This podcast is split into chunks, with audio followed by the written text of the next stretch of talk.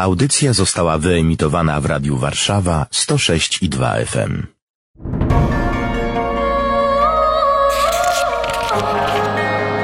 Księga. Księga.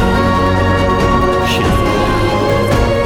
Niedzielne czytania biblijne rozważają ksiądz Łukasz Turek i Paweł Kęska. Niech będzie pochwalony Jezus Chrystus. Na wieki wieków amen. Świętą Księgę otwierają Ksiądz Łukasz Turek. i Paweł Kęska. Księga jest święta, więc mówi prawdę.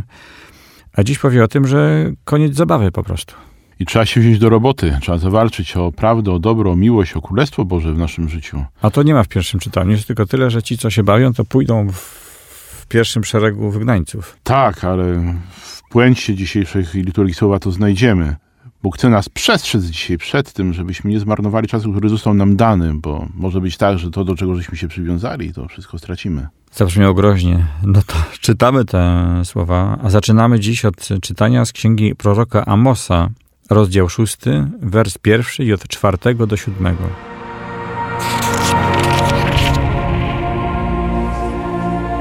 To mówi Pan Wszechmogący. Biada beztroskim na Syjonie i dufnym na górze Samarii. Leżą na łożach z kości słoniowej i wylegują się na dywanach. Jedzą jagnięta z trzody i cielęta ze środka obory. Fałszywie śpiewają przy dźwiękach harfy jak Dawid obmyślają sobie instrumenty do grania. Piją czaszami wino i najlepszym olejkiem się namaszczają, a nic się nie martwią upadkiem domu Józefa. Dlatego teraz ich poprowadzę na czele wygnańców, a zniknie krzykliwe grono hulaków.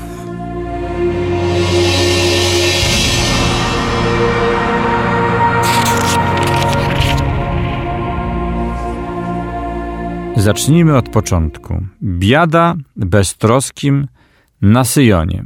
O co chodzi? Na Syjonie znaczy gdzie? Chodzi tutaj o kraj Izraela, o miejsce, które Bóg dał narodowi do tego, żeby tam żyli. Mleko i miód opływające, ziemia obiecana, y, ale też ziemia zadana. Ziemia, którym ma być y, głoszona y, chwała Boga Jahwe, Boga jedynego i ta chwała ma się rozlewać na wszystkie narody.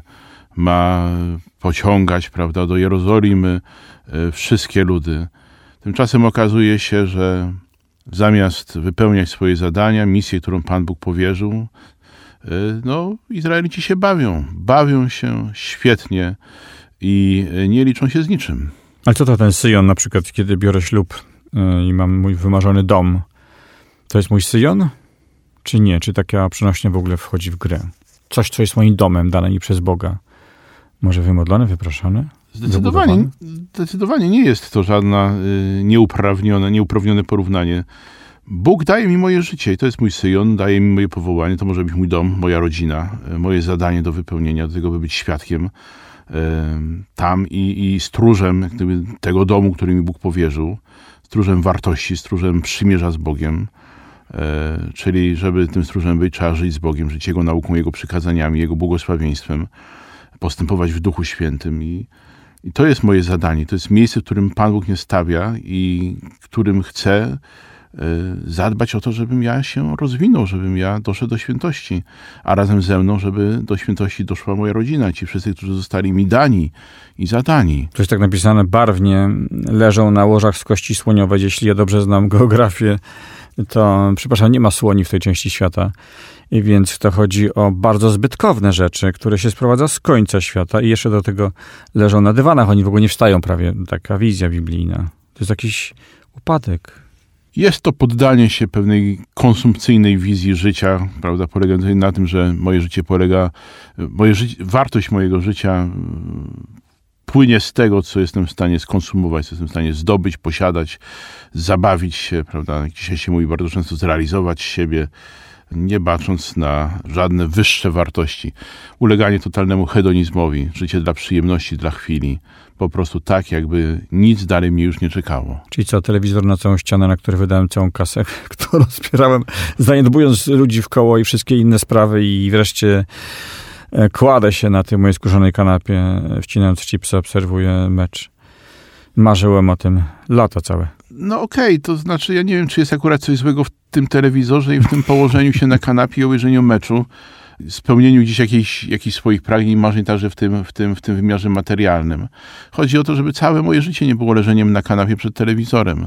Całe życie nie było szukaniem tylko i wyłącznie przyjemności, tylko i wyłącznie zaspokajaniem swoich najniższych popędów, prawda? Improwizują na strunach harfy jak Dawid. Jak Dawid wynajdują instrumenty muzyczne. Przepraszam, co to Dawid źle robił, że grał na instrumentach? Czy to oni źle robią? Może oni fałszują. Może oni fałszują, nie. No, Dawid robił dobrą robotę. Korzystamy z y, utworów, które stworzył, prawda? Czytamy tam Księgę Psalmów. Cała jego historia była piękna, tyle że historia Dawida była zakorzeniona w Panu Bogu. Natomiast oni wybrali, powiedzmy sobie, z tego życia Dawida tylko i wyłącznie to, co najbardziej przyjemne, najbardziej tutaj takie zmysłowe, dające im pewne poczucie satysfakcji. Natomiast Pana Boga w tym życiu nie ma. Czyli chcieliby być Dawidem, a z Dawida wzięli sobie instrumenty i e, wino w czaszach. Dokładnie. No, to jest bardzo przyjemne, zdaję sobie z tego sprawę i bardzo pociągająca wizja życia, e, zwłaszcza jeżeli świat e, tak ją pięknie jeszcze zarysuje. Natomiast powiedzmy sobie szczerze, że no, na dłuższą metę to do niczego nie prowadzi i e, może wręcz wypełnić całe nasze życie totalnym, totalnym chaosem, destrukcją. Czyli życie Dawida jest życiem Dawida, życie mieszkańca Pruszkowa e, życiem mieszkańca Pruszkowa, a moje życie jest moim życiem. Otrzymałem od Pana Boga moje życie. To jest z jednej strony moja własność, ale to jest także zadanie, które przede mną Pan Bóg postawił. I to jest, to moje życie to jest miejsce, w którym miałam zbudować Królestwo Pana Boga. Y, Mam tutaj być wybudowana budowla na bardzo solidnym fundamencie, na, na fundamencie wiary, na fundamencie objawienia Bożego, na fundamencie powołania mnie do świętości, bycia stworzonym na obraz i podobieństwo Pana Boga, tej godności dziecka Bożego. Teraz bardzo niebezpieczną rzeczą jest to, jeżeli ja zupełnie zapomnę o tym, że ta relacja z Bogiem i ta moja droga do Królestwa Bożego jest rzeczą fundamentalną, jest rzeczą najważniejszą. Może być tak, że te sprawy duchowe w moim życiu się walą. Ten dom Józefa, tutaj wymieniony w, przez proroka Amosa, y, zaczyna popadać w ruinę. Istota mojego życia i posłannictwa, prawda, jest zagubiona.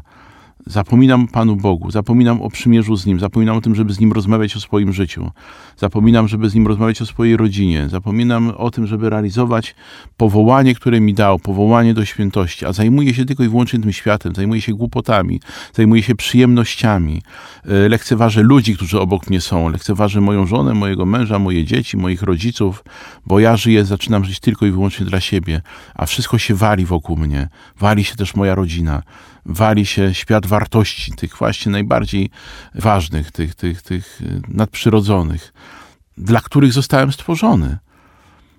I może być tak, że właśnie zostanę w pewnym momencie zupełnie pozbawiony tego wszystkiego, zostanę wygnany ze swojego życia.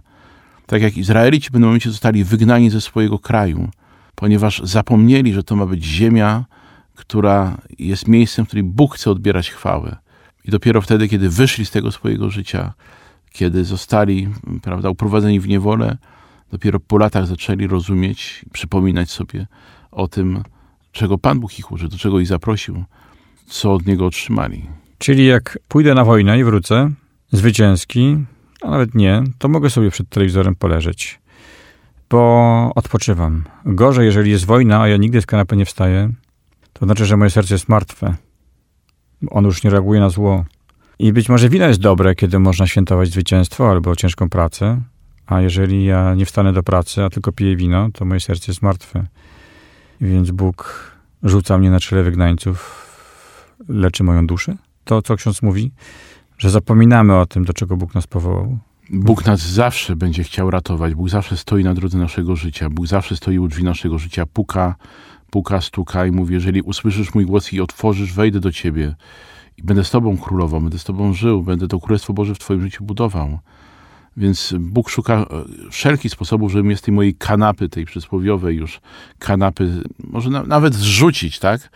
Jeżeli już nie da się inaczej, ale zmobilizować mnie do tego, żebym wstał i zatroszczył się o swoje życie, żebym zatroszczył się o rzeczy fundamentalne, najważniejsze, żebym zatroszczył się o miłość w moim życiu, Miłość do Niego, Boga mojego Stwórcy, miłość do ludzi, których mi dał, którzy są wokół mnie, którzy zostali mi ofiarowani, w relacji do których mogę się uczyć, być darem e, właśnie dla innych i żyć nie dla siebie, nie dla przyjemności tylko i wyłącznie, e, ale żyć dla Boga. Oczywiście przyjemność jest bardzo ważna, odpoczynek jest w naszym życiu nieodzowny konieczny wręcz. Ludzie, którzy zapominają o tym, że są przyjemności, że jest odpoczynek, czasami tak, mówiliśmy już kiedyś o tym, że czasami tak się zaangażują w zdobywanie tego świata, w pracę, e, że nie mają czasu żyć, nie mają czasu, nie mają czasu żyć.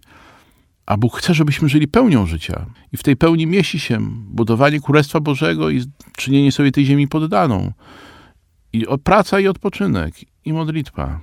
Wszystko jest dla nas.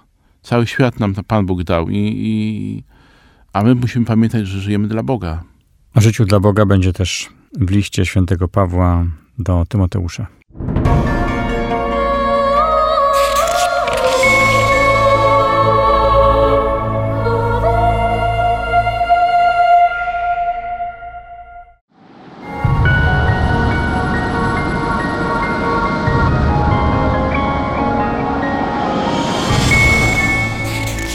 Czytanie z pierwszego listu świętego Pawła Apostoła do Tymoteusza, rozdział 6, wersy od 11 do 16.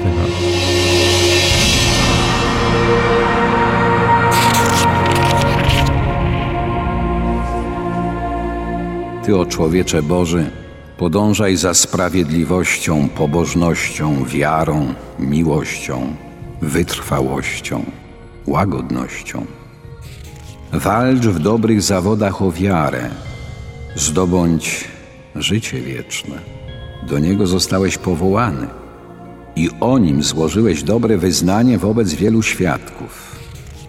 Nakazuję w obliczu Boga, który ożywia wszystko i Chrystusa Jezusa, tego, który złożył dobre wyznanie za Poncjusza Piłata, ażebyś zachował przykazanie nieskalane bez zarzutu, aż do objawienia się naszego Pana Jezusa Chrystusa.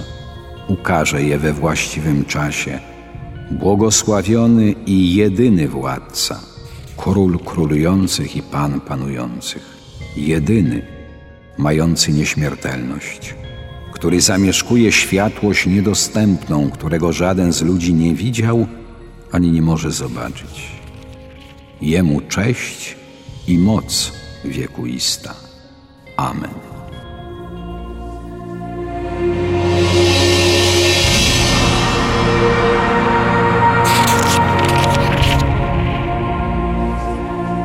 W pierwszym czytaniu był obraz kogoś, kto spędza życie na kanapie, wynajdując kolejne święta tylko po to pewnie, żeby móc świętować i nie angażuje się raczej w życie, co sprowadza na niego upadek.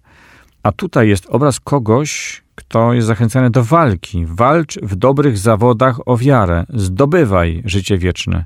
Zdobywaj życie wieczne. To nie jest tak, że pokłoń się i czekaj, a Bóg obdarzy cię łaską i e, wszystko jakby w twoim życiu uczyni. Tylko walcz, w ogóle wstawaj, zdobywaj. Taka wizja chrześcijanina. Jak angażujemy się w sprawy tego świata, tak e, święty Paweł mówi, angażujmy się w sprawy Królestwa Bożego. Jeżeli to jest najważniejsza rzecz w Twoim życiu, to miej świadomość o to, e, miej świadomość, że trzeba o to zawalczyć. O sprawy ważne trzeba w życiu zawalczyć. E, bez pracy nie ma kołaczy. Paweł sam o sobie mówił już pod koniec swojego życia, że ja w dobrych zawodach wystąpiłem, wiary ustrzegłem, prawda, biegu kończyłem. Do swojego umiłowanego ucznia Tymoteusza, prawda, mówi dokładnie te same słowa. Bądź moim naśladowcą. Y, poświęć się dla tego dzieła, do którego zostałeś powołany. Pamiętajmy, że tutaj jeszcze jest mowa na dodatek o tym, że to są osoby, no, które realizują powołanie na wyłączną służbę Panu Bogu, tak? Oddają mu siebie całkowicie i to oczywiście poprzeczkę stawia bardzo wysoko, ale jeżeli przyjąłeś to powołanie, przyjąłeś dar, przyjąłeś charyzmat, no to w takim razie nie marnuj tego. Idź za tym, poświęć, poświęć się temu. Cały, poświęć się temu cały. No to jest wyzwanie, to jest bardzo wysoko poprzeczka postawiona, powiem szczerze. Jak to czytam z perspektywy księdza, to sam, e, jak to wielki papież mówił, sam siebie ranie tymi słowami. Hmm. No to co my mamy z tego, jak mamy się tym inspirować? Jak ksiądz, jako ksiądz patrzy i to wysoko poprzeczka, to przepraszam, jak z resztą świata? Tak samo. Tak samo, my wszyscy jesteśmy, mamy to samo powołanie, mamy dojść do nieba, mamy zdobyć ten wieniec sprawiedliwości odłożony dla nas. Realizujemy to powołanie na różnych drogach życia. Ja w powołaniu kapłańskim, ktoś inny w powołaniu małżeńskim, rodzinnym, prawda? Ktoś jeszcze innym w jakimś tam powołaniu, może w życiu konsekrowanym. Ktoś jeszcze inne miejsce w swoim życiu odkrywa, kiedy poświęcił się jakiemuś dziełu. E, może nie założył rodziny, może nie jest osobą konsekrowaną czy duchowną, ale ale realizuje powołanie, y, służąc bliźnim, prawda?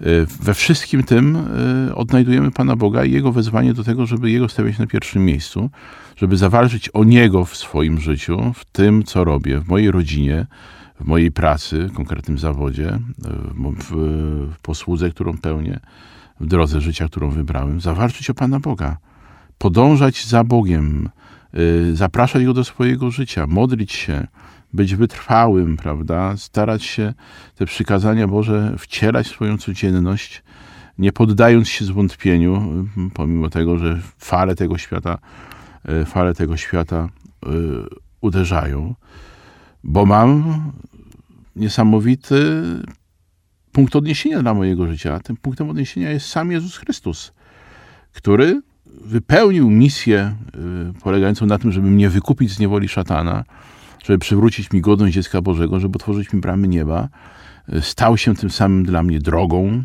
prawdą i życiem.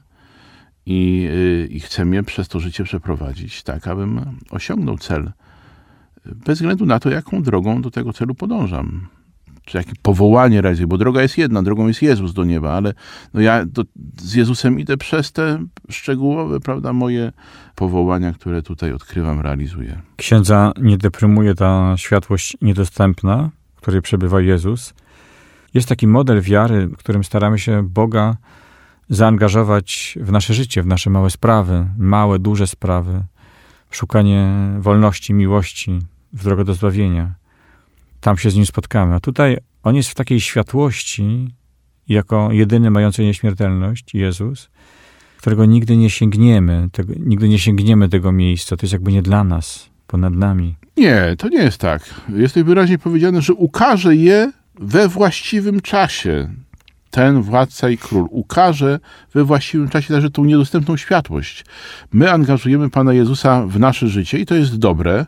Oczywiście nie powinno to być na zasadzie, prawda, y, traktowania go jako dobrej wróżki, prawda, która nam będzie rozwiązywać nasze problemy, ale jak najbardziej powinniśmy angażować go w nasze życie, żeby przeżyć możliwie najlepiej, a z kolei Jezus angażuje nas w swoje życie swoją wieczność, swoją światłość, e, która tutaj dla nas śmiertelników na tym etapie jest ona e, nie do końca dostępna, chociaż jest dostępna też. Może e, w pełni w tej światłości się zanurzymy wieczności, ale tą światłością Pan Bóg zapełnia nasze serca tutaj na ziemi przez sakramenty. Ona już jest w jakiś sposób nam dana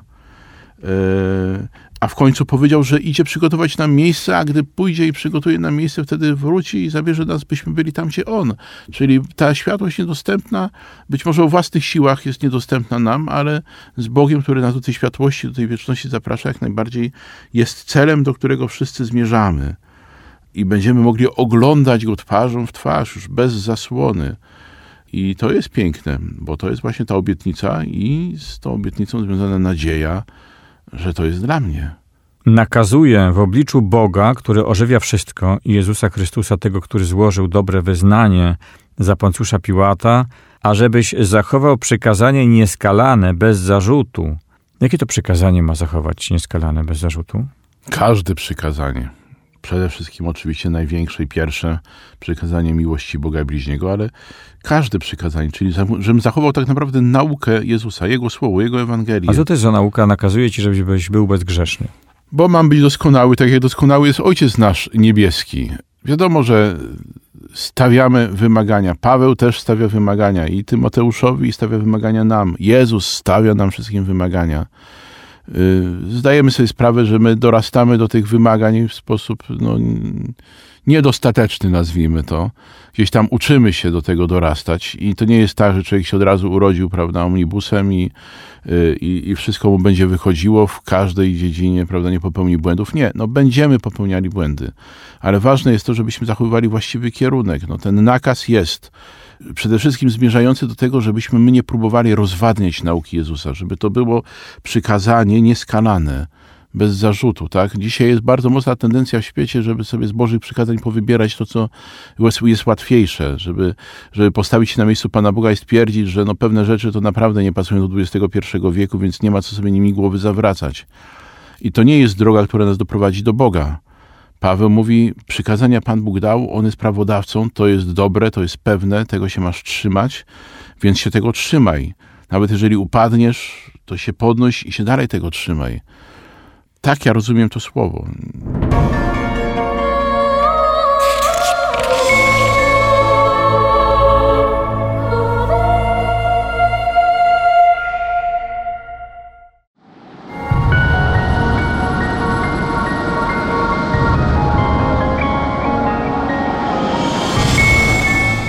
Słowa Ewangelii według świętego Łukasza, rozdział 16, wersy od 19 do 31.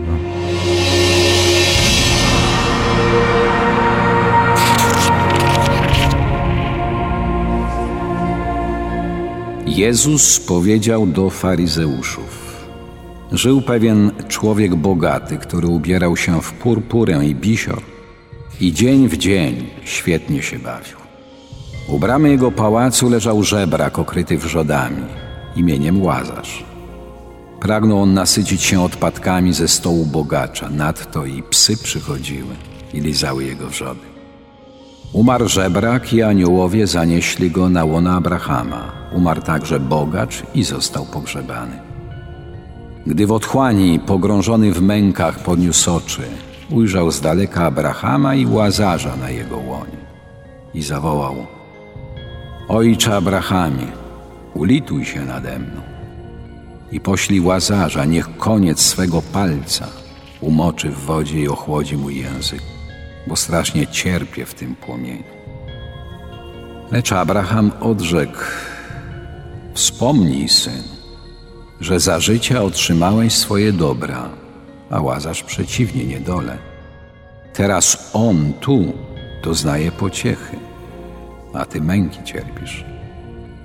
A prócz tego między nami a wami zionie ogromna przepaść, tak że nikt, choćby chciał, stąd do was przejść nie może, ani stamtąd do nas się przedostać.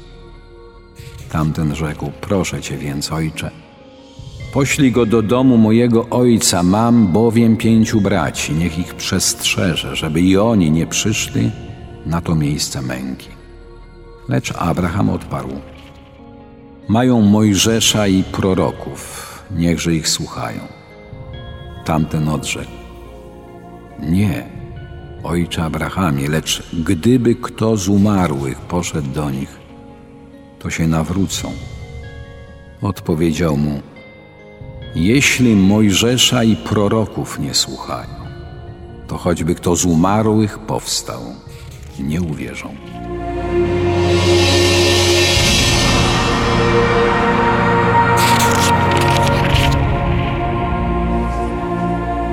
Sytuacja, można powiedzieć, współczesna, o tyle, że jeden bogaty, drugi biedny, jeden mija drugiego. Tak jest i w Warszawie, i na ulicach y, pewnie wszystkich miast. I w naszych domach czasem też są jacyś ubodzy, pomijani, pogardzani. Obaj są za to życie jakoś w końcu ocenieni. Role się odwracają, ale bogacz zaczyna rozumieć, że kluczem tutaj jest postać biednego. On nie wzywa Abrahama na pomoc, wzywa Łazarza na pomoc. Zrozumiał, ale czy nie było za późno? Właśnie, mamy czas na ziemi do tego, żeby zrozumieć to, czego nas uczy Pan Bóg. Ta przypowieść nie jest taka łatwa do zinterpretowania, dlatego że z jednej strony wygląda na to, że to jest otchłań piekielna, tak? że to jest przepaść, której nie można przebyć, że, że to jest piekło. Z drugiej strony w tej postawie bogacza, który no właśnie wydaje się, że zrozumiał, że prosi, wstawia się, mówi poślij tego bogacza, tego, tego, tego łazarza, niech przestrzeże tych moich braci, żeby oni tutaj też nie trafili. Widać w nim wielką też troskę o swoją rodzinę.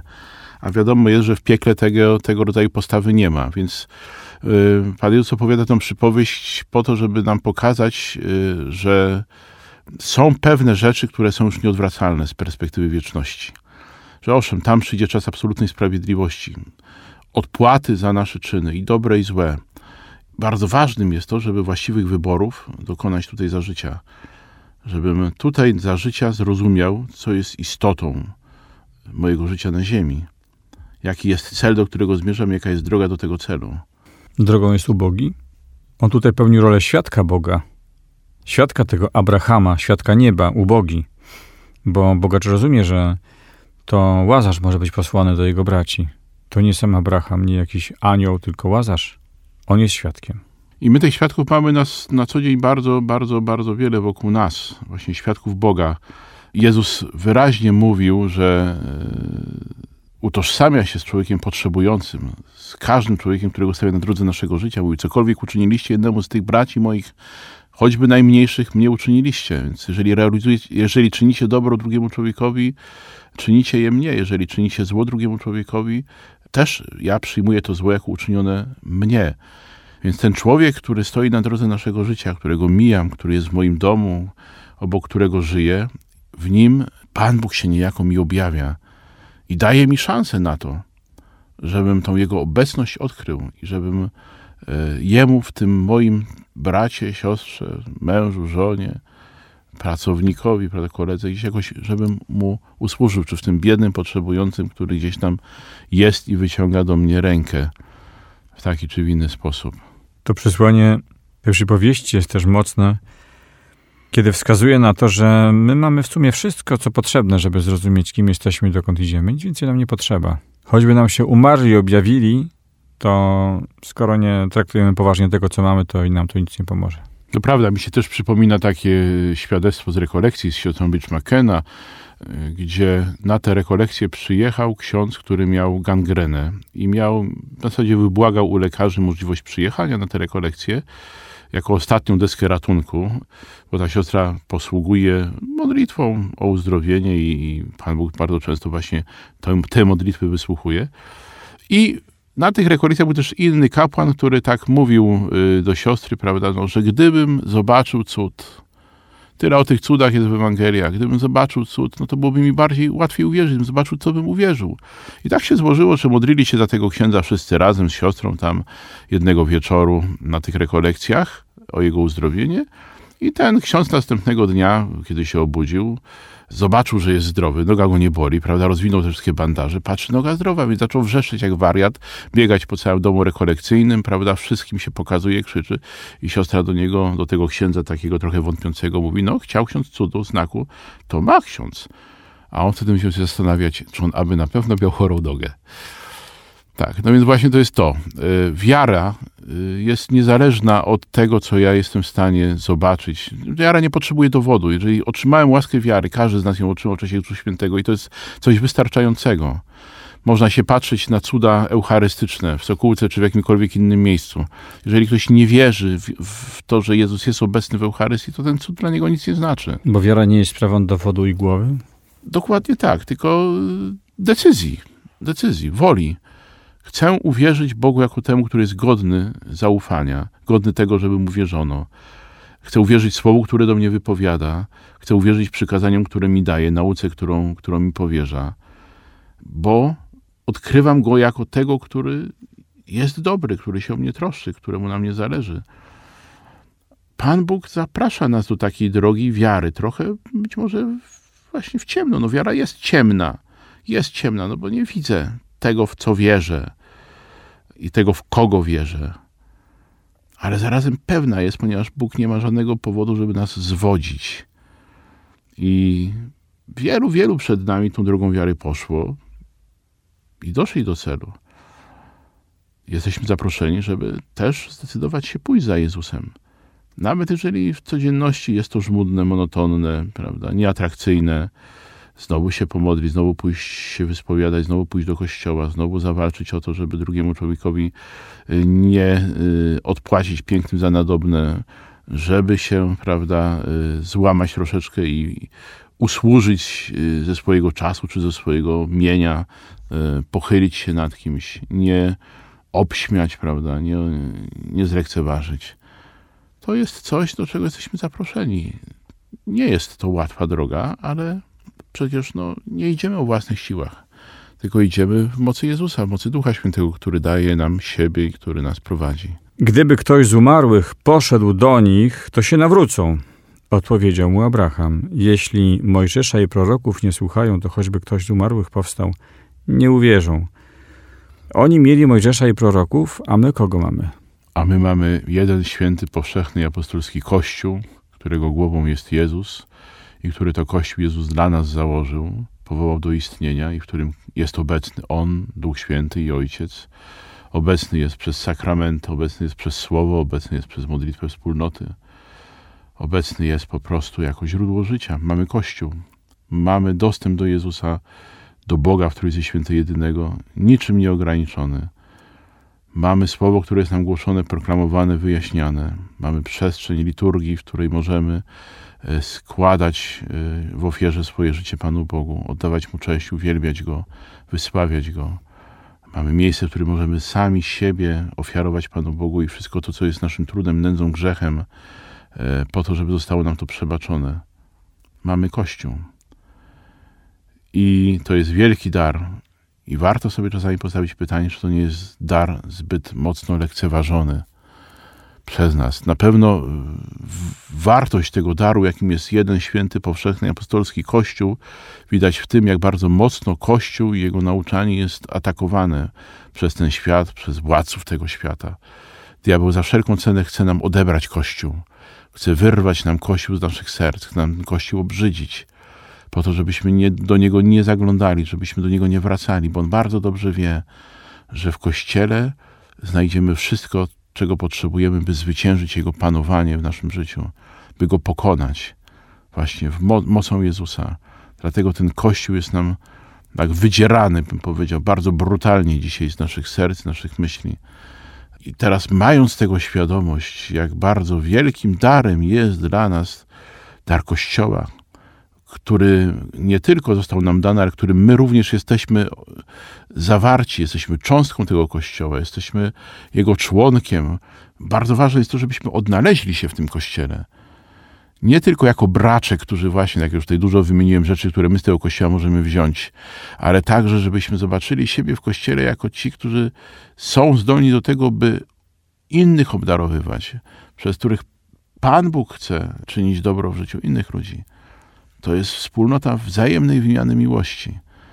Kościół. Wzajemnego ofiarowania sobie Pana Boga. Dzielenia się doświadczeniem Jego e, właśnie w naszym życiu. Dlatego znajdźmy swoje miejsce w Kościele. Zastanówmy się, jakie jest moje miejsce w Kościele. Ja tam uczniom w ósmej klasie właśnie to pytanie postawiłem na lekcji. Jakie jest twoje miejsce w Kościele na dzisiaj? Do czego cię Pan Bóg zaprasza w Kościele? Żeby pójść na mszę świętą. A właśnie, no tak Taka odpowiedź najbardziej po najniższej linii oporu.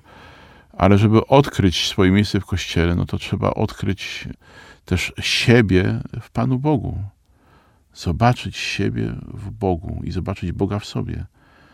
I zobaczyć, że On mnie kocha, że On chce budować mnie, przeze mnie budować innych, rozszerzać swoje królestwo że zostałem przez Niego obdarowany rozmaitymi darami, przez które ten Kościół, Jego królowanie może się e, rozszerzać, powiększać. I co daj Panie Boże? Amen. Amen. Za uwagę dziękuję Państwu. Ksiądz Łukasz Turek i Paweł Kęska. Księga.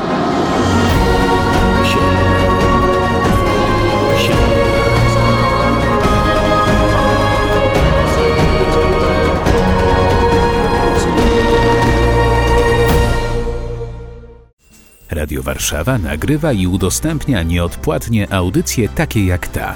Dzięki wsparciu finansowemu słuchaczy i przyjaciół. Wejdź na www.radiowarszawa.com.pl i wpłać darowiznę. Wzmocnij nasze dobre fale. Dziękujemy.